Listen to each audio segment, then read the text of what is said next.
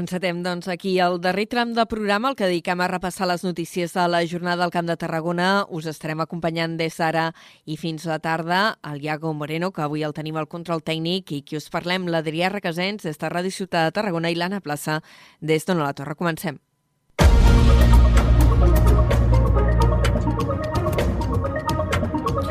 La violència de gènere i les plantacions de marihuana són les principals preocupacions dels Mossos d'Esquadra al Camp de Tarragona. Bona tarda. Efectivament, el cap de la regió policial, Vicenç Lleonard, ha fet un repàs a l'activitat del cos l'últim any durant la celebració del Dia de les Esquadres aquest mateix migdia a Torredembarra. Des d'on a la torre ens ho explica en Josep Sánchez.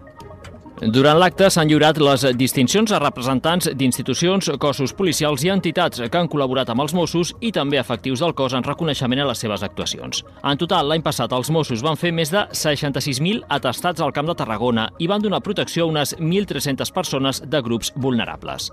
En el seu balanç, Lleonard ha posat el focus en la violència de gènere amb un augment del 19% de les agressions sexuals també en el fenomen de les plantacions de marihuana amb 132.000 plantes i 1.200 quilos de cap d'ells decomissats durant l'últim any a més de 200 detinguts.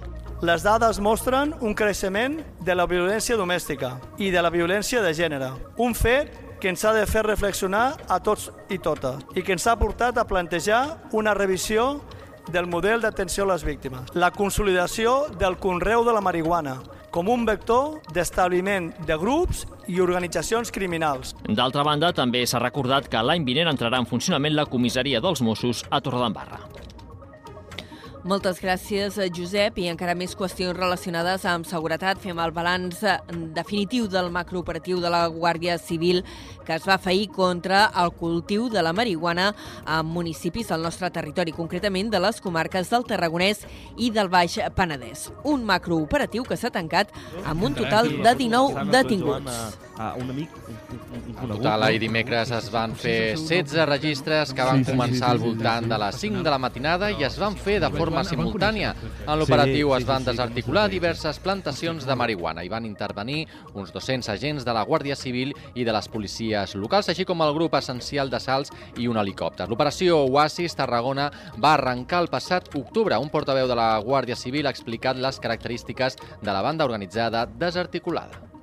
Sí, és una banda organitzada que es dediquen a això i la, tots els integrants són, són estrangers, són gent que ve de fora i que venen aquí només per això, els porten aquí a, en este cas a la costa d'aquí a Tarragona, pues la fiquen a les cases per a que se dediquen a la plantació i ja està. De fet, los tanquen dins de les vivendes i no surten, els cuidadors que estan dins no surten de la vivenda pràcticament per a res. Durant l'operatiu es van intervenir més de 11.000 plantes de marihuana, 112 quilograms de capdells i també gairebé 112.000 euros en efectiu. Els detinguts se'ls imputen els delictes de pertinença a organització criminal, cultiu i tràfic de drogues i també defraudació del fluid elèctric. Per, uh, per cert, que us expliquem que les víctimes de l'accident de mortal que hi va haver a Rodonyà, a l'Alt Camp, eren un home de Valls i una dona jove d'Albacete. L'home tenia 34 anys i la dona 25. L'accident es va produir dimarts a la nit a la carretera C51Z, quan un turisme els va embestir i atropellar fatalment. Aquestes eh, víctimes són 47 les persones que han mort en accidents de trànsit enguany a la xarxa viària interurbana de Catalunya. Parlem ara de les dades de l'enquesta de població activa. L'atur s'ha incrementat fins al 12% a Tarragona i l'Ebre durant el primer trimestre de l'any.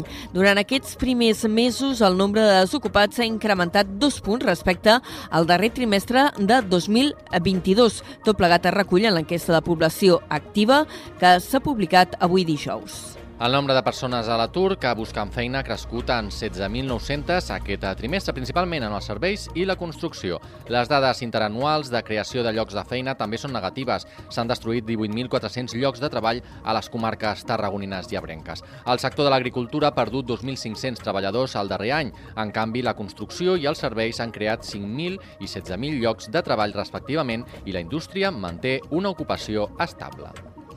En àmbit general, la notícia del dia és que el Congrés dels Diputats ha aprovat la llei d'habitatge que limita el preu dels lloguers. La norma ha prosperat amb els vots a favor del PSOE, Podem, Esquerra Republicana i Bildu. En canvi, PP, Vox, Ciutadans, Junts, PDeCAT, CUP i PNB s'han posicionat en contra de la nova. El text pactat limita les pujades eh, dels preus de lloguer, eh, permetent a les autonomies declarar zones de mercat tens per poder contenir preus i obre la porta a considerar gran tenidor a qui tingui més de 5 habitatges en una mateixa zona i no 10. Ione Belarra, ministra de Drets Socials, ha defensat la nova llei amb aquestes paraules. Hoy, señorías, pierde la banca, pierden los buitres, pierden los fondos de inversión y gana la gente. Ganan los inquilinos y las inquilinas y quien tiene una hipoteca. Han sido tres años de trabajo muy duro. La llei no limita els lloguers eh, turístics en zones de mercats eh, tens, com, vol, com volia Podem, perquè el PSOE ho va rebutjar. Un altre element que s'ha deixat fora és l'obligació per als eh, grans tenidors d'oferir un lloguer social a les persones vulnerables abans de forçar un desnonament. Després de l'aprovació inicial d'avui al Congrés, ara la llei d'habitatge inicia la tramitació al Senat.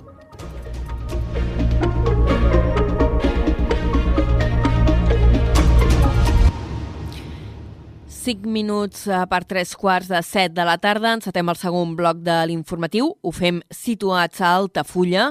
Costes de l'Estat té previst arranjar la setmana vinent la zona del passeig de botigues del mar.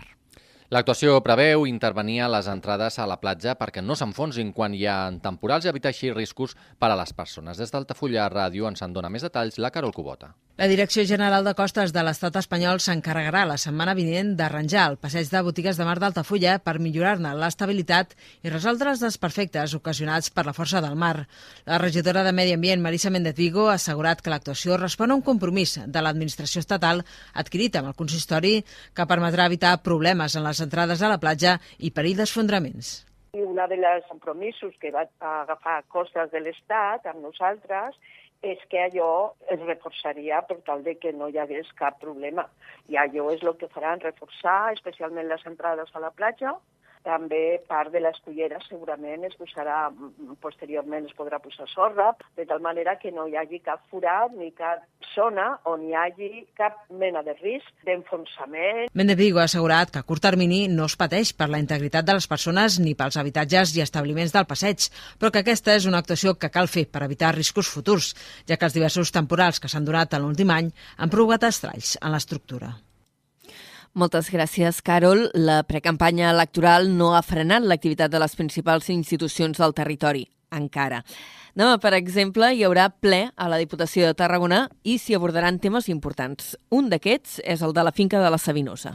L'ordre del dia del plenari inclou l'aprovació del conveni de col·laboració entre la Diputació, que és la propietària de l'antic preventori, i també l'Ajuntament de Tarragona per a l'ordenació urbanística d'aquests terrenys a tocar del mar. El conveni incideix en la millora del traçat del camí de ronda entre les platges de la Sabinosa i la Rabassada per poder-lo obrir a la ciutadania en guany o l'any vinent. Aquest és el primer pas d'un projecte molt més ampli presentat fa uns mesos en què la Diputació va manifestar la voluntat de transformar la Sabinosa en un hub cultural. D'altra banda, en el ple de demà divendres, la, Diputació també preveu aprovar el projecte per instal·lar caixells automàtics en tots els municipis de menys de 1.000 habitants.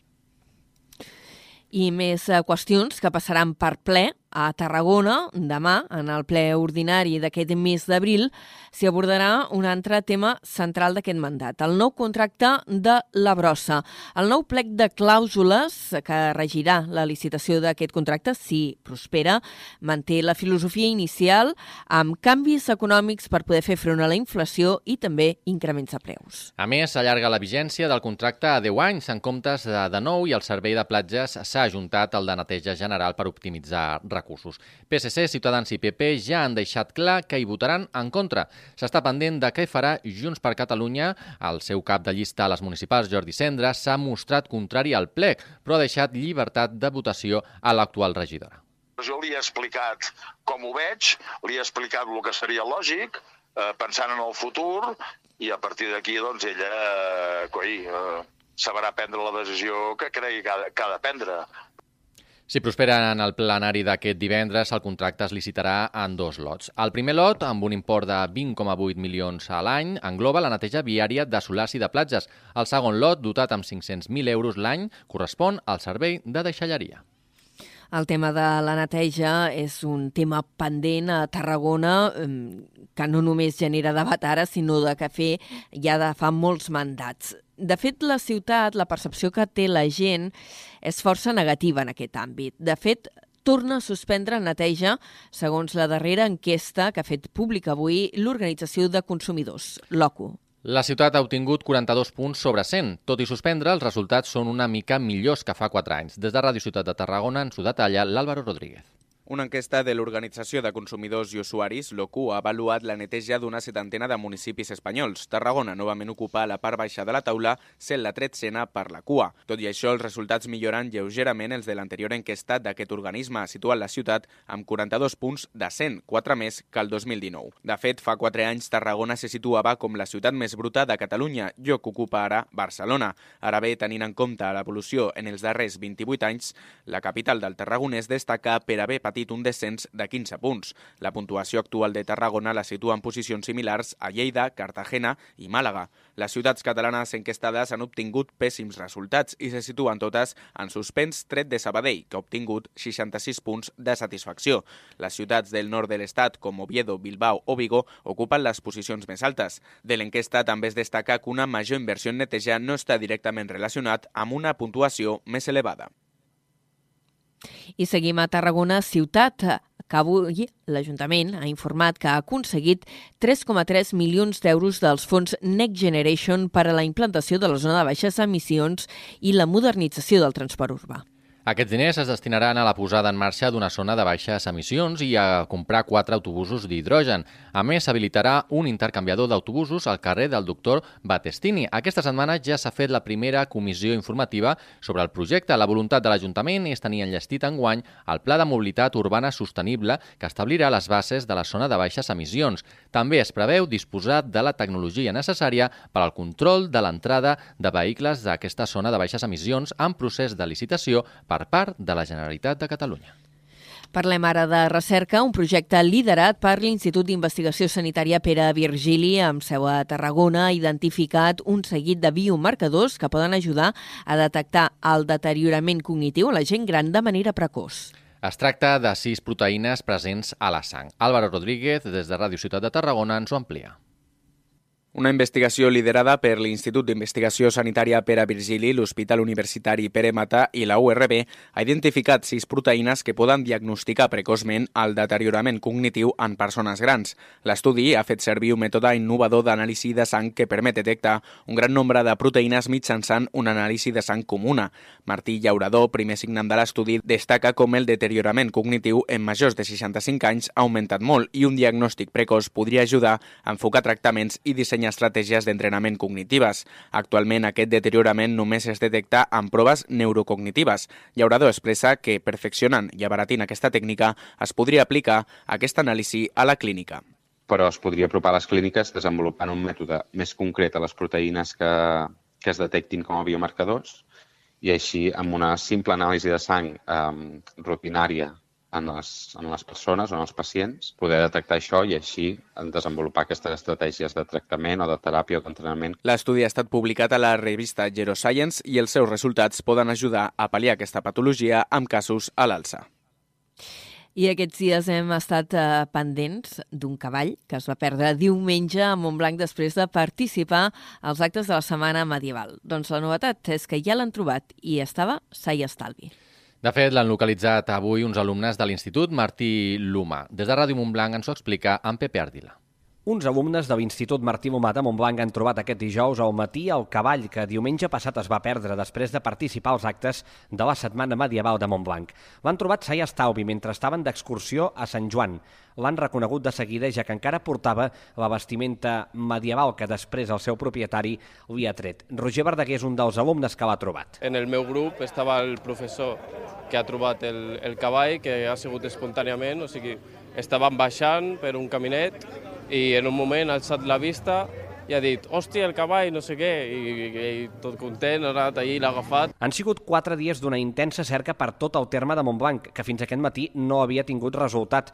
Els seus propietaris, voluntaris i la gent de protecció civil l'han buscat cada dia per tot arreu. De fet, la zona de Sant Joan ja l'havien també pentinat. El seu propietari, el Josep Maria Díaz, ja ho donava per perdut. L'escoltem. No m'ho esperava pas, m'ha donat una gran il·lusió sentir que l'havien trobat. Ja que el veig físicament, veig que ja està bé i així. Ja el donava per perdut, ja, el cavall. La trucada amb la bona notícia van rebut aquest matí a la policia local de Montblanc. Moltes gràcies, Josep. Notícia que ha quedat bé. I també us hem d'explicar que a Reus hi ha diferents fasanes que es tornaran a engalanar amb roses la setmana vinent. Serà del 5 al 7 de maig. I és que per tercer any consecutiu se celebra Roses de Reus, un homenatge al que és l'emblema de la ciutat. Des de la nova ràdio de Reus ens ho amplia en David Fernández. Coincidint amb el concurs Exposició Nacional de Roses del Centre de Lectura, l'Ajuntament de Reus promou per tercera vegada la iniciativa Roses de Reus, amb la idea de posicionar la ciutat com la capital de la rosa. Així doncs, diferents espais de Reus es guarniran amb motius ornamentals fets amb roses. Serà el cas de la façana de l'Ajuntament, del Palau Bufarull, del Círcul de l'Institut Pere Mata, de la Casa Navàs o de la Llotja. En aquests indrets s'instal·laran diferents intervencions artístiques, amb la rosa com a protagonista, i en paral·lel es faran activitats com ara una visita guiada pels diferents espais, tallers de roses de paper, un concurs de paradors, espectacles d'animació de carrer o un concert del músic Ernest Cruzats.